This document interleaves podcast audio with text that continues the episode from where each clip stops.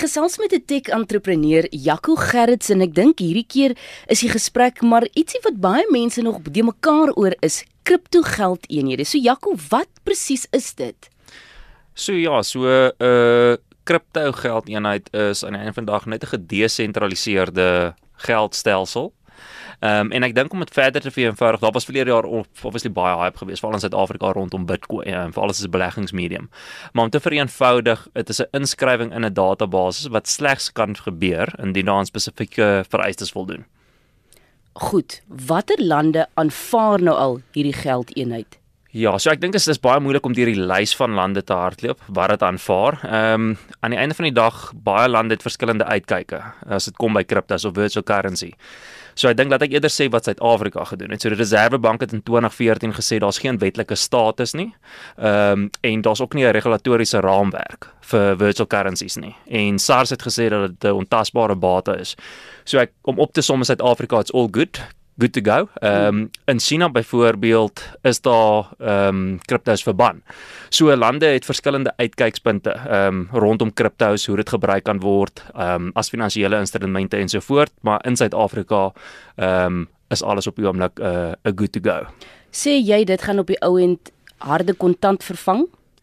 So ek dink dit sal in totaliteit harde kontant vervang nie. Ek dink as 'n kripto ehm um, is daar spesifieke voordele. Uh die transaksies is anoniem byvoorbeeld. Ehm um, dis baie goedkoper en vinniger. So daar's verskeie voordele en ek dink mens moet dit altyd kyk of altyd na kriptos of virtual currencies kyk na die voordele wat dit na die tafel toe kan bring en nie so seer dat dit ehm um, bestaande geldeenhede gaan gaan vervang in totaliteit nie. Waar het dit begin en watter land? So die die founder is Satoshi uh, en ek gaan miskien nou verkeerd kry kana Tamo.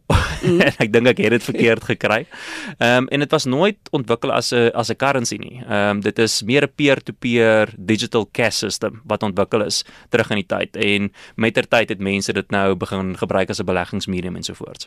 Sê jy dan nou vir my as 'n tech-entrepreneur dit 'n goeie ding is om 'n geldeenheid te digitaliseer?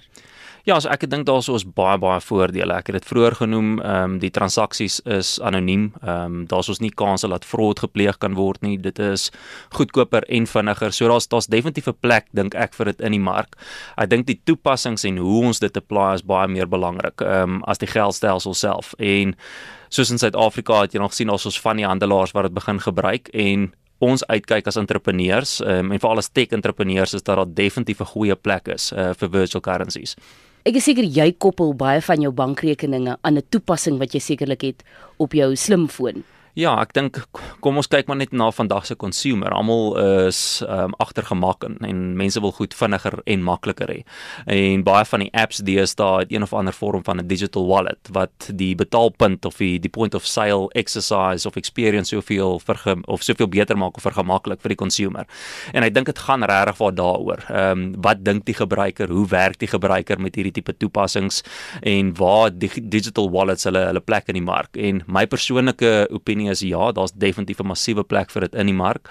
Ehm um, en ek dink as jy ook kyk na so sekere apps en betaalstelsels wat bestaan vandag en wat ook leverage van virtual currencies af, is dit nie iets wat gaan verdwyn nie. Ek dink die die toepassings gaan definitief meer en meer word en die gebruik van die toepassings gaan ook definitief meer en meer word. Maar tog is daar nog steeds mense wat deur middel van tegnologie mense se bankrekeninge wil leegmaak. So die vraag is dan altyd wat is die nadele of gevare van so iets? Ja, so ek dink die die een groot voordeel is is dat daar nie fraud kan plaasvind op virtual currencies nie. So dis 'n baie baie veilige uh, meganisme om handel mee te dryf. Daar is sekere negatiewes. Ehm um, van die negatiewes wat ons nou al gesien het tot en met datum is dat hulle dit gebruik in onwetlike toepassings. Weereens ehm um, een van die voordele is dat dit anoniem is, maar is ook een van die nadele. Mm. En hulle gebruik dit baie keer in die verkeerde manier. Ehm um, so ek dink dit is een van die nadele wat ons raak gesien het, maar as mens mooi daaraan dink, onwetlike handelstransaksies het al reeds gebeur voordat virtual currencies uitgekom het. Dit gaan nog steeds gebeur in die toekoms. Ehm um, so ek dink is iets wat mens kan bekamp en iets wat mens van bewus moet wees.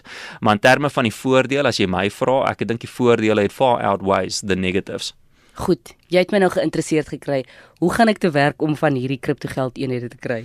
Ja, so dis eintlik interessant. Suid-Afrika ehm um, het ons, ek dink dis in Maart vanjaar het ons die eerste uh Bitcoin ATM gehad wat live gegaan het waar jy actually Bitcoin kan koop. Ehm um, van die meer bekende apps wat jy kan gebruik uh en een wat ek self gebruik uh, is 'n app genaamd Luno wat jou in staat stel om Bitcoin en en Ethereum te koop. So uh, dis 'n proses van verifikasie wat jy deur moet gaan sodra jy geregistreer het op die app, maar dan die proses om actually Bitcoin te verkoop en weer te verkoop en transaksies ehm um, te fasiliteer besonder eenvoudig. Kan mense kontak maak met jou indien hulle graag ekstra vrae het? Uh met alle liefde. Ehm um, as hulle in kontak wil kom, kan hulle e-pos stuur aan jgerrits@dynamos.co.za en jy spel dit J G E R I T S @d y n a m u s.co.za. En dit dan Jaco Gerrits, ons stuk entrepreneur vir vandag wat gesels het oor kripto geldeenhede.